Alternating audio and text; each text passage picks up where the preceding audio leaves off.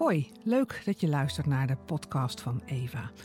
In deze serie neem ik je mee en nodig ik je uit om in gebed te gaan met Esther. In het leven van Esther zien we een opmerkelijke verandering. We ontmoeten een onbetekenend weesmeisje die uiteindelijk een krachtige koningin blijkt te zijn. Wat is haar geheim? Het innerlijke schoonheidsproces en de stemontwikkeling van Esther staat in deze serie centraal. Iedere dag begint met een bewust startmoment. Probeer je gedachten stop te zetten en je aandacht volledig op God te richten. Neem de tijd om Hem te begroeten, een gewoonte die in de psalmen uitgebreid wordt toegepast.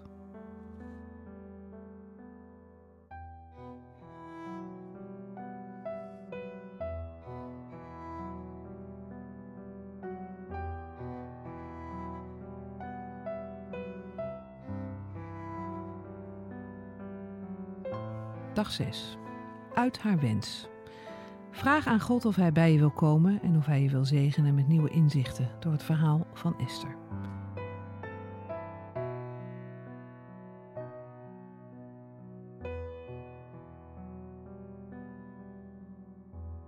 We lezen Esther hoofdstuk 7 en hoofdstuk 8. Zo waren de koning en Haman weer bij koningin Esther te gast. Ook op deze tweede dag zei de koning, terwijl de wijn geschonken werd tegen Esther: Wat wilt u vragen, koningin Esther? Het zal u gegeven worden. Wat is uw wens? Al was het de helft van mijn rijk, uw wens zal vervuld worden. Koningin Esther antwoordde: Majesteit, als u mij goed gezind bent en als het de koning goed dunkt, schenk mij en ook mijn volk dan het leven. Dat is wat ik wil vragen, dat is mijn wens. Want we zijn verkocht, mijn volk en ik, om gedood te worden en volledig te worden uitgeroeid. Als we waren verkocht als slaven en slavinnen, dan zou ik hebben gezwegen, want zo'n ramp zou de belangen van de koning niet schaden. Wie is de man? Waar is die man die zijn zinnen erop gezet heeft om zoiets te doen? vroeg koning Ahasveros aan koningin Esther.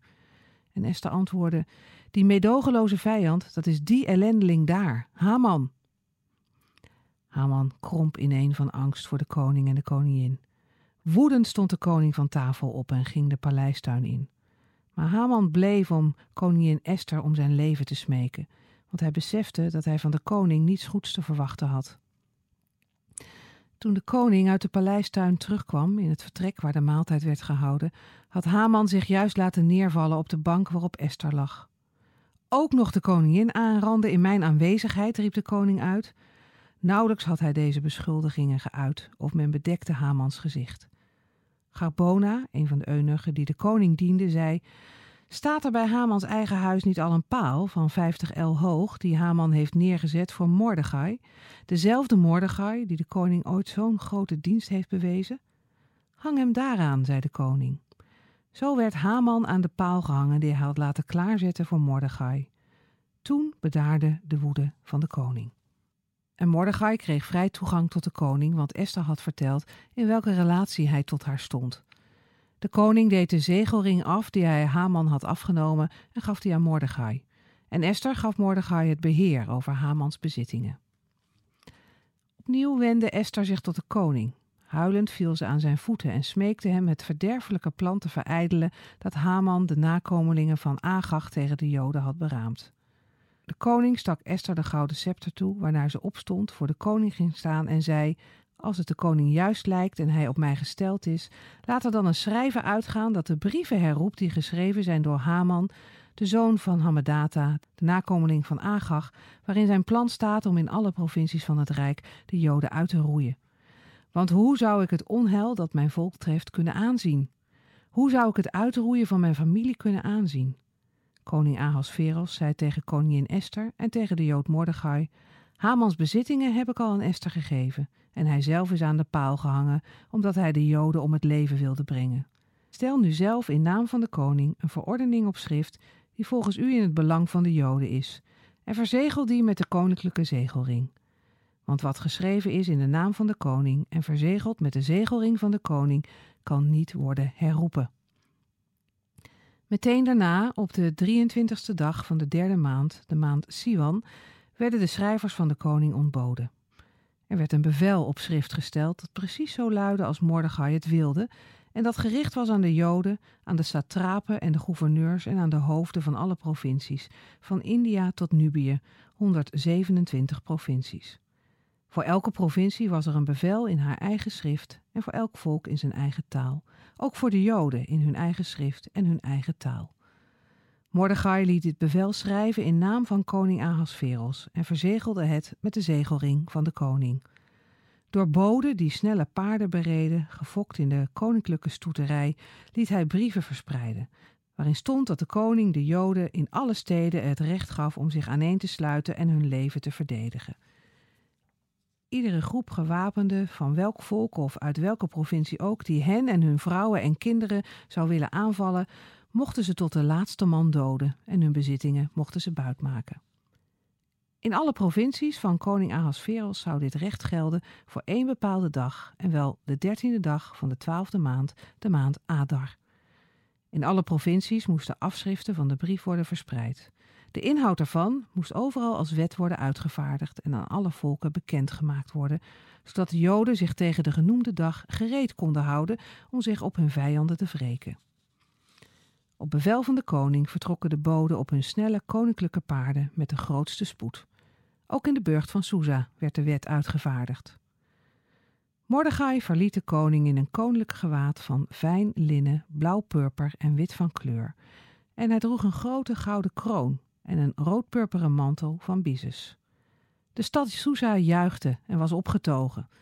Voor de Joden brak er een tijd aan van licht en vreugde, blijdschap en eer. In alle provincies en in alle steden heerste onder de Joden vreugde en blijdschap zodra het bevel en de wet van de koning er bekend werden. Er werden maaltijden aangericht en er werd feest gevierd. En uit alle volken van het land sloten zich velen bij de Joden aan, want angst voor de Joden had zich van hen meester gemaakt. Niet alleen durft Esther een risico te nemen door ongevraagd naar de koning te gaan, ze uit ook haar vraag en wens. Haar voeten gaan, haar stem volgt en de omgeving ziet een persoonlijke wens en smeekbeden.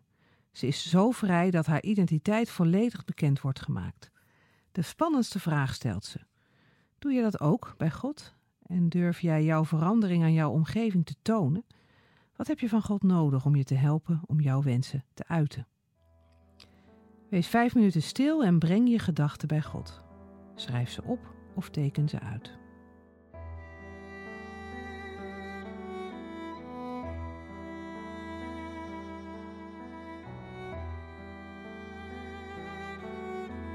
God kent al onze keuzes. Jouw verhaal en achtergronden vormen jouw identiteit. Durf je aan je omgeving nieuwe wensen en vragen te uiten? Wat belemmert je daarin? Welk deel van jezelf durf je nu te laten zien? En wie kan jou daarin ondersteunen? Wat zou je daarin van God willen vragen? Hoe kan Hij jou ondersteunen? Welke wens heb je? Vraag God concreet om je te helpen in je voornemens. Bid Hem om durf en lef. Beëindig je gebed hardop met het Onze Vader.